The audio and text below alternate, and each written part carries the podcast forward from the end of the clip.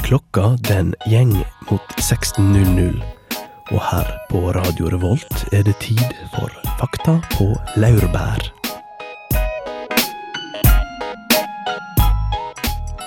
God ettermiddag, godtfolk. Nå er det endelig tid for andre episode av Fakta på laurbær. Med meg i studio så har jeg i dag kun Solveig Blomstrøm Nordbø. Stemmer det. Eh, Ann-Kristin hun har eh, rett og slett falt og slått hodet. Det har hun, så hun er ikke helt seg selv. Nei, dessverre så kunne vi da ikke ha med Ann-Kristin i kveld. Men hun sa nå selv at uh, det var kanskje et migreneanfall, og ikke noe Ikke noe alvorlig, så det Nei. er sikkert ingenting å bekymre seg over. Hun er tilbake neste uke. Yep. Jeg er Ragnhild Batseba Ødegaard Skaugen. Virka som du hadde litt problemer med å huske det nå. Det er så mange navn. Jeg, det går helt i styr for meg. Jeg har sagt det tusen ganger, til og med på lufta. Wow. Men uh, i kveld så skal vi, eller i ettermiddag, skal vi prate om uh, Vi skal faktisk prate litt om realfagsbygget. Fantastiske store bygget. Skal vite litt mer om hvor stort det faktisk er senere. Vi skal eh, prate om eh, hersketeknikker, sånn som vi skal gjøre en del framover. Det skal vi. Er en ny spalte på gang der. Og vi skal også få høre hvordan det gikk når jeg fortsatte på denne testen av eh, hvorfor vannet smaker litt såpe da, etter man har drukket av det. Etter man har vasket hendene i det.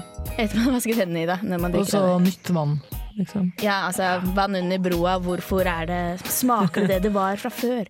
Men det vi skal gjøre aller først, er å høre på Magnus Mortuary med Citadel etc.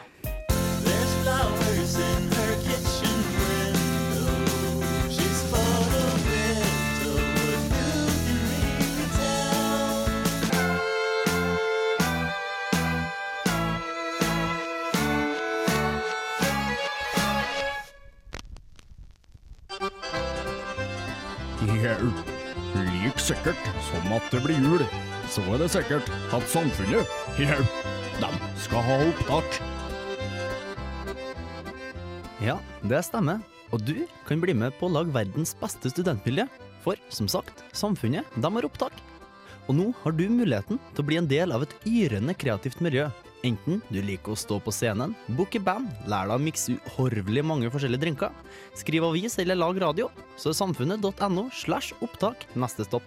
Men 31. januar så er det for sent, så skynd deg å gå inn på samfunnet.no skråstrek opptak og søk deg inn på det som kommer til å doble livsgleden din i studietida.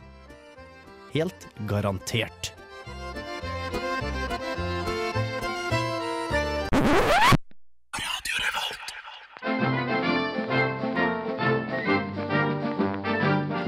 Fakta på laurbær. Ja, eh, der hørte du Magnus Mortuary med Citadel etc., og du hører altså på Fakta på Laurbær. Eh, du fikk nå høre at du kunne bli med på eh, Samfunnet, og da vil jeg jo si at bli med i radioen, da. Det Ja. står at du får doblet livsgleden i studietida, men du får i hvert fall doblet livsgleden i studiotid. Det skal jeg bare si. Oi, oi, oi. Veldig treffende. Veldig fornøyd Ja, med det, det er helt sant. Vi har det fryktelig moro, vi. Har det veldig moro. Og nå skal vi jo prate om noe som eh, ikke kanskje er like moro. Vi skal nemlig prate om et bygg der hvor det foregår studier. Og det er Et bygg uten grenser. et bygg uten grenser, faktisk. Det er realfagsbygget jeg prater om. Det er sikkert mange som har sittet der i eksamensperioden og hatt det uhorvelig grusomt. Det vet jeg i hvert fall at jeg har hatt. Veldig vondt. Veldig vondt. Ja, og tida går sakte på realfagsbygget, til tross for at de har en Foucaults pendel som eh, ja, som du kan stirre på, den måler tiden helt eksakt, vil jeg da si. Ja, for det er jo litt sånn, jeg tenker at dere, eller du gikk på Gløs før, du har jo heldigvis konvertert til Dragvoll, der hvor jeg går. Eh, de som trasker i gangene på Gløs, de har det jo mye hyggeligere rundt seg enn de som går på Dragvoll, fordi at det er så mange, altså realfagsbygget inneholder jo veldig sånn her, eh, mye tekniske duppedingser, sånn, i hvert fall det jeg har sett, og Ja. fancy neonlys, og det er ikke måte på. Det er helt sant, og de har jo i tillegg slike lydinstallasjoner da, som skal få deg i godt humør med litt fuglekvitter og litt sånne mm. teknolyder. Sånn du, du, du. Og det Det er kanskje kult, og det er kanskje kunst, men det er fryktelig irriterende når du sitter og leser til matte 3-eksamen, f.eks. Det forstår jeg. Du, det er nesten som de lyd, lyddusjene som de hadde på Gardermoen, vet du. Å ja, det var veldig eksotisk når det kom, det husker Ja, jeg. Og jeg husker at vi dro på sånn klassetur til Gardermoen eh, på barneskolen. Mm. Eh, og det var eh, dream come true, virkelig. Der Ja, gikk vi og lekte oss, altså. Ja, det er, jeg sa ti år, ja. det er jo dødslenge siden de kom, det husker jeg kjempegodt. Men seriøst, bare for jeg har sagt det, Gløs er uansett mye bedre. Altså, Jeg kunne godt hatt litt lyd på Dragvoll, eller litt lys for den del. Ja, der er det jo, altså På Dragvoll er det jo mørkt og deprimerende. Jeg gruer meg litt Ja. til å ta den overgangen fra Gløs til Dragvoll. Det er som en gammel trekkfull låve, rett og slett. Som er høyt inne, og går luft rett igjennom og regner inn. Det er håpløst. Ja, det er det. Men nå skal vi jo, vet ikke, bekrefte, avkrefte noe om eh, realfagsbygget. Jeg har nemlig hørt at eh, realfagsbygget er Norges fjerde største bygg. Og det, det har jeg egentlig lyst til å få vite om er sant eller ikke, før jeg går og sier det til enda flere folk. Ja, Vi skal teste statusen, rett og slett. Jepp.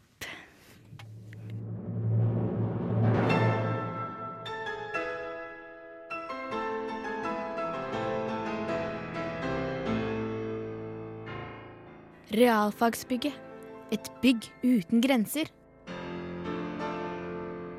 Realfagsbygget er en stor bygning på campus Gløshaugen på NTNU. Bygget ble åpnet av kong Harald i år 2000 etter fire år med bygging. Realfagsbygget er i hovedsak oppført av betong, men det ser ikke ut som din vanlige betongkoloss.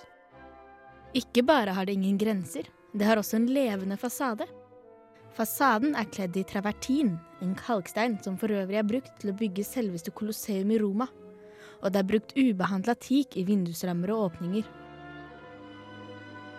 Dette er for at fasaden skal kunne endre karakter og farge med vær og vind og derfor vitne om tiden, erfaringen og kunnskapen veggene rommer og har sett.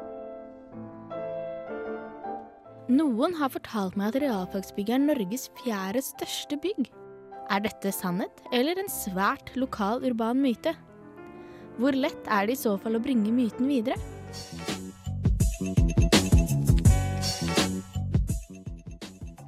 Ville dere trodd meg når jeg sier at eh, realfagsbygget er Norges fjerde største bygg? Ja. ja. Ville du trodd meg hvis jeg sa at eh, realfagsbygget er Norges fjerde største bygg?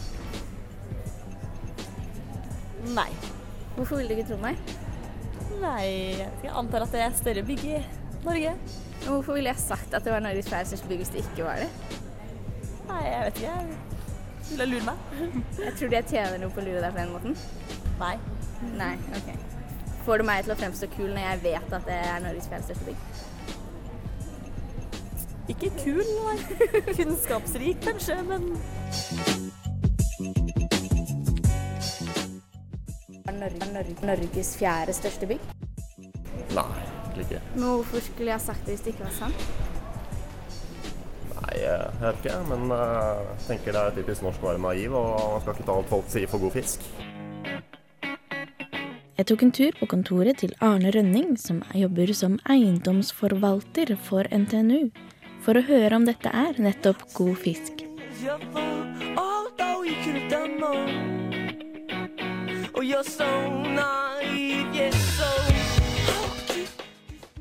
Om du visste om realfagsbygget var Norges fjerde største bygg? Jeg aner ikke. Det er ingen som vet det. Det er over 60 000 kvadratmeter brutto, men eh, Men uh... Nei. Det er ingen på en måte rangering av hvem som er Norges største bygg, som fins et sted. kjenner jeg ikke til. For jeg har hørt en myte skjønner du, om at det er eh, Norges fjerde største bygg. Er det plausibelt, tror du? Aner ikke. Aner ikke. Aner ikke.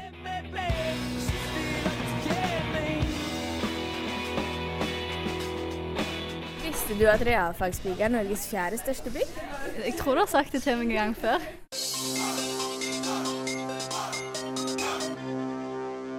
En, to, tre. Fakta på laurbær. Hver tirsdag fra 16 til 17 på Radio Revolt. Ja, uh, før uh, vår lille teaser der, så hørte du Vågs, Vågsbygd Handy med Svever, med, som er produsert sammen med DJ Myrikal. Og mm. Vågsbygd Handy med albumet Undervannsmusikk er ukas album her på Radio Revolt, så det er noe vi da anbefaler alle dere lyttere. Yes, gå inn på nettsidene våre og sjekk det ut. Mm -hmm. Radiovolt.no. Men uh, før vi hørte det oi nå skal vi langt tilbake i tid, Oi, oi, oi. så hørte vi jo hvordan det gikk når jeg prøvde å bringe den urbane myten om realfagsbygget som Norden, Norges fjerde største bygg videre. Ja. Jeg prøvde jo også å finne ut om det faktisk var Norges fjerde største bygg, men eh, som dere hørte så Det var som å det var vanskelig å nå fram, og det var tydelig at det ikke var noen særlig som visste noe om dette her da. Dette er jo da eiendomsforvalteren han jeg prata med, og hvis det var noen som burde vite noe, så tenkte jeg at det skulle være han. ja, kanskje det er en myte de har spredd ut fra NTNU for å skape ja, For å skape blest, ja. kudos til seg selv. Det var jo også noen jeg prata med som eh, mente at eh, kanskje de hadde lyst til å vinne en pris.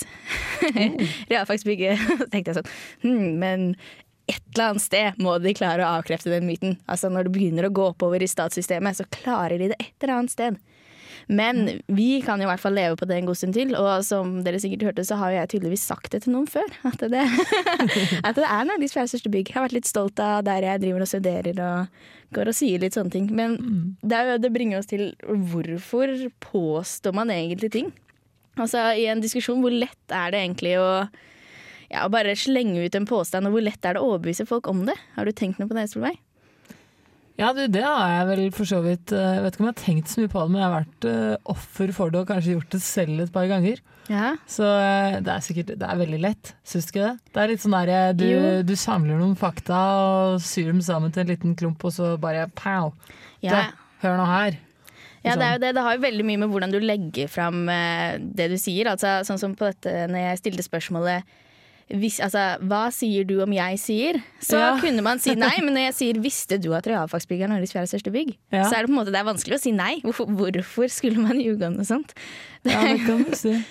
Ja. Og så er man veldig, eller jeg er veldig sånn her Når noen stiller meg sånne spørsmål, så tenker jeg hm, er det et lurespørsmål? ja, ikke sant? Er det en mening bak? Jeg har jo veldig den innstillingen at eh, hvis noen sier noe til meg, så mest sannsynlig er det usant. Mm, For eksempel så var jeg, ja, for eksempel så var jeg en gang hos uh, tannlegen min og uh, mente at jeg nå hadde begynt å få en ny tann. Så jeg sa sånn Å, se her, det er en ny tann. Og så fikk han til å ta Holdt jeg på å si æsj, men jeg fikk han til å ta på der hvor jeg trodde det kom en tann, og han sier nei, det, ikke, det der er ikke noe tann. Sorry. Mm. Og så sier jeg jo, det er det. Vær snill, bare, bare kjenn det kommer en tann. Og nei, det gjør ikke det. Og så til slutt, så når jeg hadde krangla nok, så sa han ok, men da tar vi røntgenbilde, og så ser vi om det kommer en ny tann. Og så sier jeg ja, ja, kjempebra. Og så tok vi røntgenbilde, og så etterpå så fikk jeg en regning på 500 kroner. Og det var ikke noen tann? Og det var ikke noen tann! Så klart det ikke var noen tann! Tannlegen har jo sagt at det var ikke noen tann der! Å, Ragnhild. Ja, Da følte jeg at den ja, tannlegen misbrukte sin autoritet litt. Grann. At eh, OK, jeg tror ikke på han, men han er, voksne han er det voksne mennesket her. Og han er han som ja, Ja. kan ting om dette. Da. Og da er det litt hans ansvar å si 'unnskyld meg, jenta mi, nå får du skjerpe deg'. Ja. Kanskje litt, men eh, du var, du var påståelig nok til å ikke la deg kue, altså. ja, men det er jo det 'pick your battles' eller lite grann. Det er litt sånn. Det, det kan vi si. Altså, jeg har jo eh, vondt i en tann som ikke er der. Ja, fantomsmerter. Du har Ja. fjernet en visdomstann nå denne uka. Ja, og det skal, jeg skal dele alle mine erfaringer eh, rundt det eh, om en liten stund. Ja. Visdomstenner er jo noe som eh, treffer nesten alle i denne alderen her. Så det skal vi prate litt om eh, senere, etter Big Bang og Cigarette.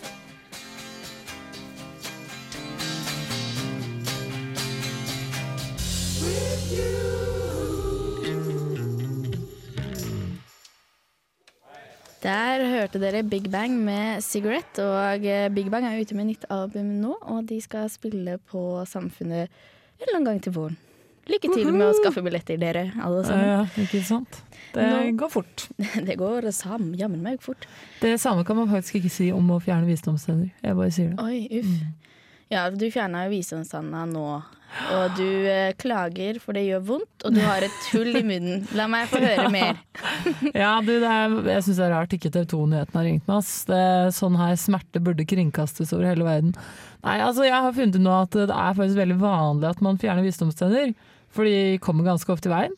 Eh, og i dag så gjorde jeg en liten aha-opplevelse, oppdagelse må jeg vel si, som eh, for min del var nesten på samme nivå som å finne ut hvorfor veps eksisterer i verden. Det er fortsatt det gode. Men Altså er det ondes problem, på en måte. Hvorfor Ja. har vi ondskap? ja, hvorfor har vi ondskap i verden? Jeg vil ikke trekke det så langt, men okay. grunnen til at vi har visdomstenner er egentlig fordi at eh, ja, altså De skulle jo inn i kjeften, da, men nå har munnene våre blitt mindre siden vi var traska rundt i, og bodde i huler. Oh, ja. og trengte tennene mye mer.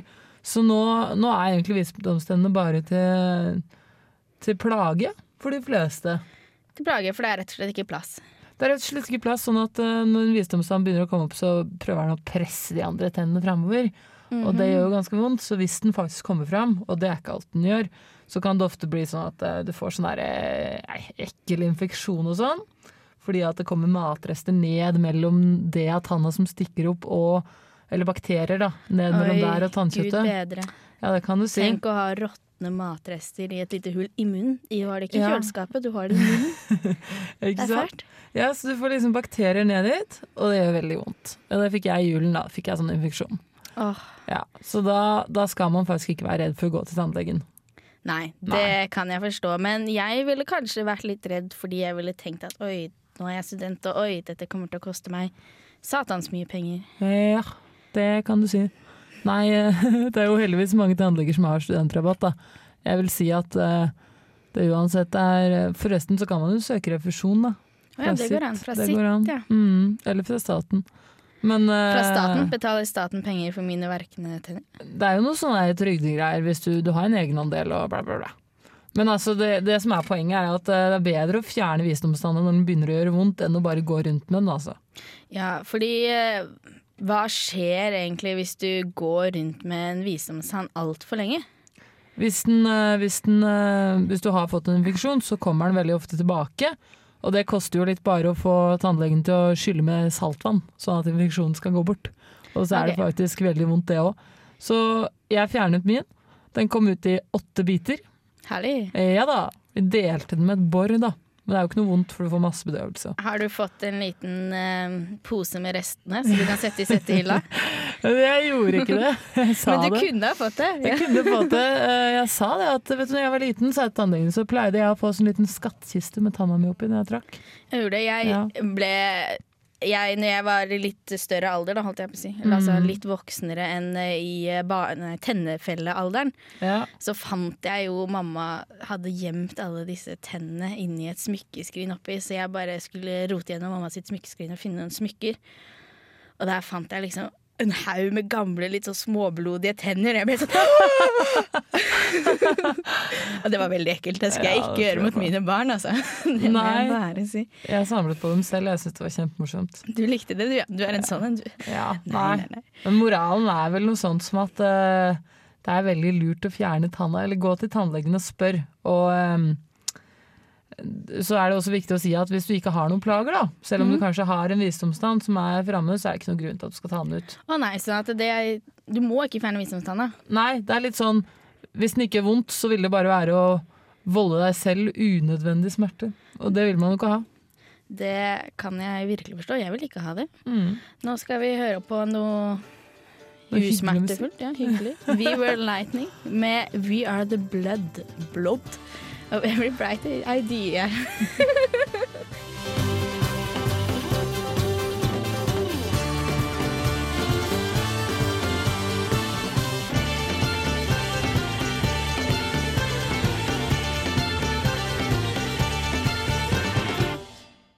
Ja, der hørte du We Were Lightning med We Are The Blood of Every Bright Idea. Det Det er var ganske bedre. påståelig. Ja, virkelig. De Men, eh, burde faktasjekke seg litt, for det tror jeg nesten ikke noe på. Men nå skal vi videre til eh, vår eh, faste spalte. Vi skal avdekke eller opplyse dere om en av fem hersketeknikker definert av Berit Aas. Og den vi skal høre litt om i dag, er tilbakeholdelse av informasjon. Det stemmer. Eh, Jeg har rett og slett bare tatt en liten kikk på det. Så ja, det er bare å kjøre i vei, så får vi se.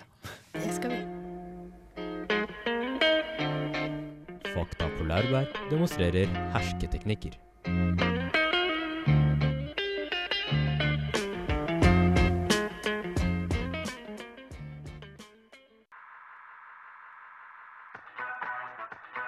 Tilbakeholdelse av informasjon foregår når individ av gruppe A, som en selvfølgelighet, henvender seg til andre individer av gruppe A og individer av gruppe B, ikke gis informasjon.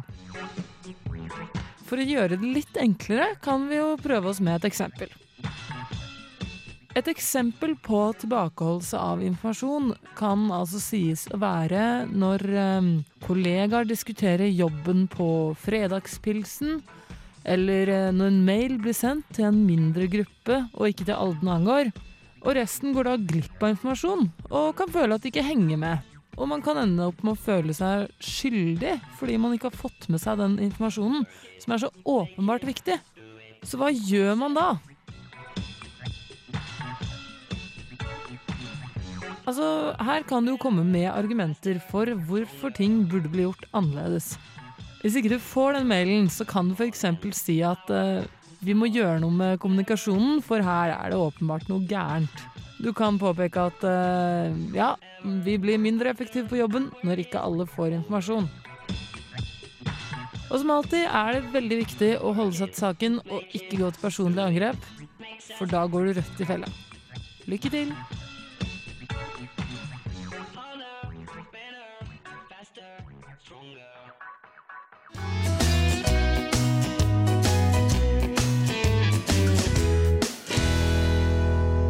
Fakta på laurbær.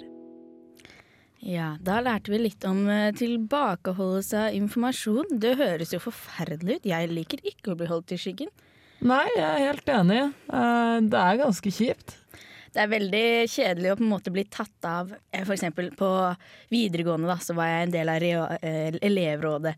Ja. Veldig typisk. eh, Og elevrådsstyret. Og så når jeg, når jeg liksom, egentlig endelig, da, vil jeg si, gikk av i elevrådsstyret, så var jeg så utrolig bitter for at jeg ikke fikk være med på alt det som de eh, bestemte. da. Så jeg ble jo en helvetes møteplager, og det er jeg jo egentlig ennå. Men uh, Nesten en hersketeknikk, det òg, vet du. ja, ja, det er det jo. Å sitte og stille dustete spørsmål til hva alt mulig. Undergrave folks autoritet på den måten. Mm. Skjerpe oss litt der. Eller Ja. jeg, da. Ja, uh, det kan du si. Nei, jeg tenker altså Det her med å tilbakeholde informasjon, det er jo egentlig ganske vanlig. Det er jo ikke alltid man gjør det bevisst heller. For det kan jo være liksom bare Man trenger ikke egentlig være på en arbeidsplass eller en sånn veldig seriøs situasjon. Det kan være en jentegjeng, liksom. Å ja, det er et veldig klassisk eksempel. Veldig Sånn, typisk. hva skal dere i kveld? Ja. Nei, ingenting. Ja, så har man Ja. egentlig planlagt masse og Men vil ikke si det, da, fordi hun Ja. siste ikke er kul nok til å være med. Ja, så da holder man henne utenfor hele planleggingsprosessen, og så gjør man noe selv. Noe morsomt, liksom. Ja, altså, Ja. men det er jo veldig kjedelig å være den personen som da ikke får lov å være med, og må sitte hjemme og se på chick flicks helt alene. og spise en hel pose potetgull alene fordi hun ikke hadde noen å dele med. Nei. Og eh, det er sånn du skaper usikre, litt småtjukke jenter, er jeg redd. Dessverre.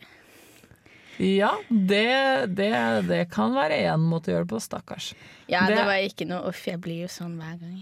Ja, nei, det går bra. Men jeg, altså, det er jo noe av poenget til hun Berit Aas, som du nevnte så vidt. For hun, eh, når hun definerte disse hersketeknikkene som vi tar for oss her, så var det jo liksom egentlig med det mål for øye å sette litt ord på hvordan eh, Altså kvinners stilling i samfunnet, og dette var på 70-tallet. Å ja. Ja, så da var det jo litt sånn Da hadde hun da satt Da traff hun spikeren på hodet, da.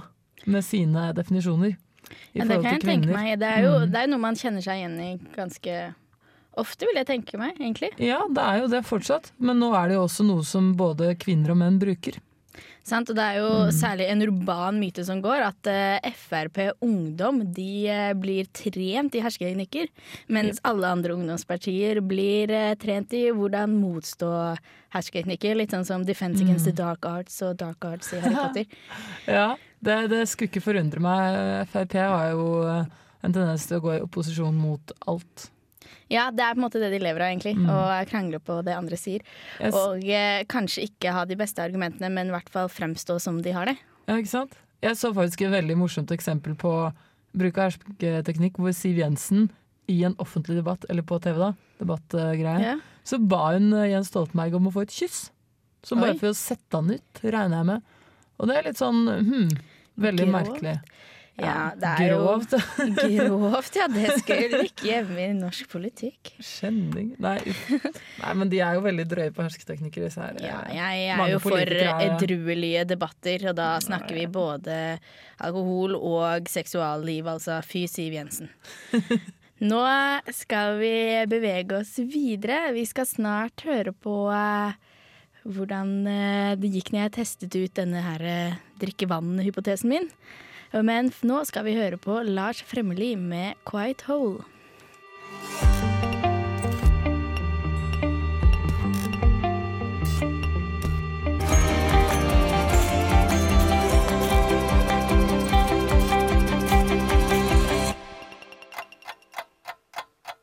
Visste du at om du snur urskiva på din analoge klokke opp ned, vil du operere på en tid fem og en halv time før oss andre?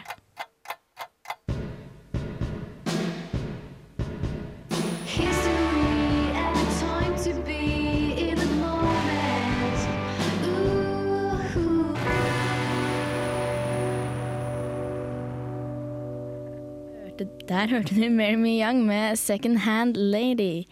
Og- Land, Ragnhild. Second hand, ja. Second hand land. Å ja, beklager. Unnskyld. Går øynene i kryss. Trenger du nye briller?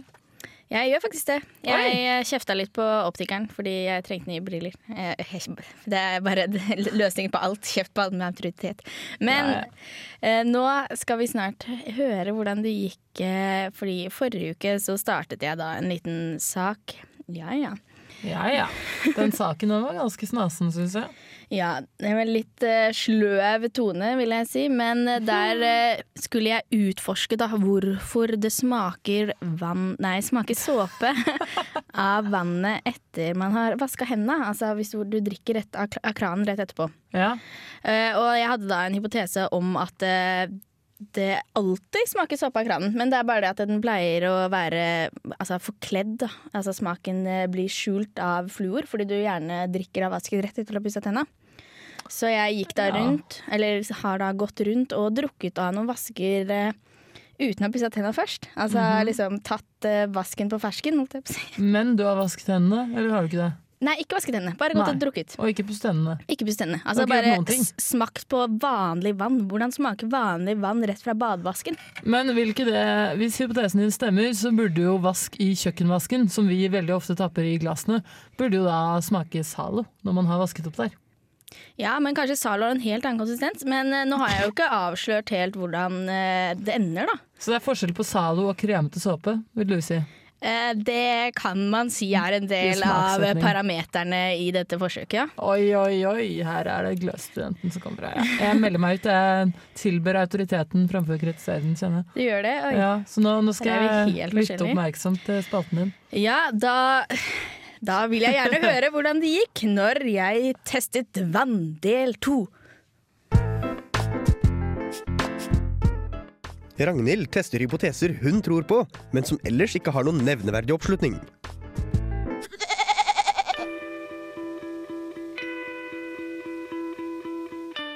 Ja, da står jeg nede på det andre badet og skal teste vannet her.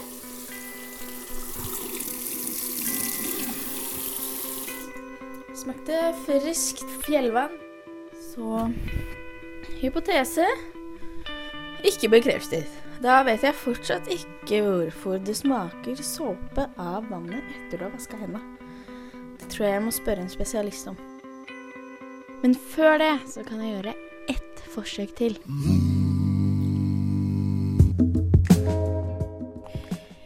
Ja, nå er jeg hjemme hos Katrine, som er en venninne av meg. Nå skal jeg teste hvordan vannet smaker på badet hos henne.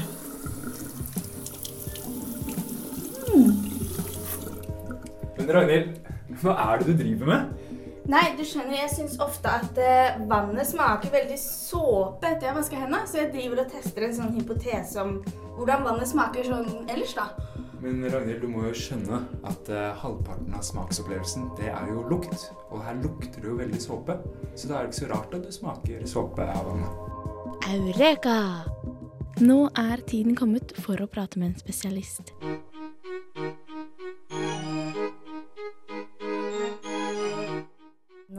Jeg på Edda legesenter på St. Olavs hospital og prater med doktor Nick Ferragonde. Hvor mye av smakssansen avhenger av lukt? Godt spørsmål. Eh,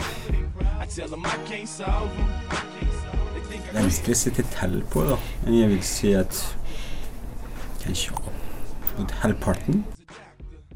Ofte når jeg drikker vann etter jeg har vaska hendene, så smaker det veldig såpe av vannet. Syns jeg. Ok, jeg kjenner, kjenner. Og, ja, og så lurer jeg på om du har noen teori om hvorfor det kan gjøre det? Ja. Det kan godt være at uh, hvis du vasker hendene, og så har du uh, hva skal vi si, de partiklene fra såpen som kommer via luften til uh, i nesa. Da. Ja. De befinner seg fortsatt der mens du holder på å drikke. Og da, er, da forveksler hjernen etter det som du drikker, smaker de som er i nesa di. Nesen i den nerven som uh, senser uh, lukten, den går jo veldig parallell med smaksnervene. Da. Ja, så hjernen kan ofte forveksle smak og lukt. Det kan det tenkes, ja. Daddy was a doctor. Daddy was a doctor. Daddy was a doctor. Daddy was a doctor. Der fikk jeg endelig svar på problemstillingen. Det er visst ikke konstant såpesmak på vann i badevasken, ofte godt skjult av fluor. Det er sansene våre som spiller oss et puss.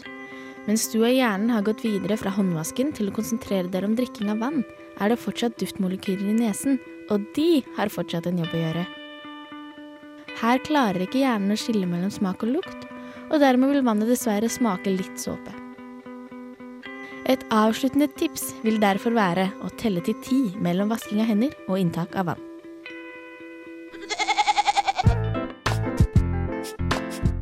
Følg med i neste episode av Ragnhild tester hypoteser hun tror på, men som ellers ikke har noen nevneverdig oppslutning.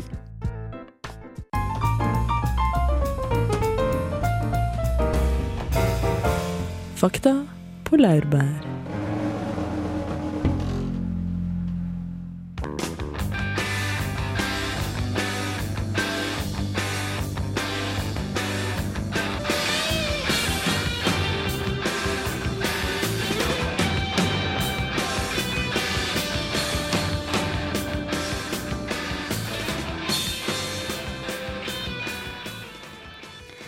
Der hører du The Clash med Stay Free, og du har hørt på Fakta på laurbær. Vi går yeah. mot eh, slutten i dag eh, igjen.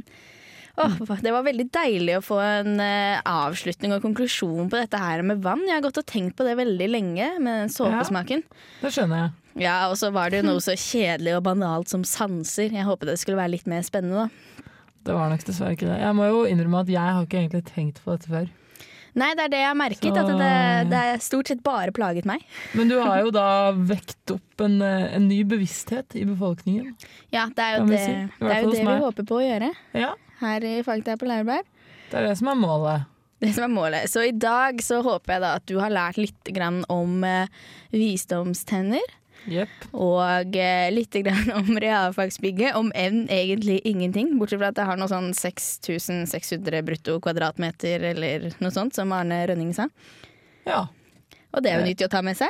Det er veldig Du kan alltids seg. gå inn på internett og lese mer hvis du er interessert. Yes, Det er kanskje like greit til å være å huske på kvadratmeterne hvis man er av de stolte som vil påstå at det er Norges fjerde største bygg, og så ikke kunne slå det ned. Ja, men da kan du jo, vite at det er heller ingen som kan arrestere deg på det. Nei, for det er ingen som vet. Med mindre du faktisk går inn og leser på Storebygg Norge, da. Ja. Websiden Eller- www.storebyggnorge.no, som jeg var så dum å ikke sjekke. Ja, ikke sant. Ja, ja. Nei, en ny tirsdags ettermiddag eh, går mot slutten. Det gjør den. Ja, det, det går mot kveld. Ja, klokka Ja. er snart fem. Etter oss så kommer eh, På tirsdag. Mhm. Du har altså hørt på Fakta på Lærberg, og her er vi Ragnhild Batseba Ødegaard Skaugen. Og Solveig Blomstrøm Nordbø. Og vi vil si tusen takk til tekniker Erne By, og ha en god kveld!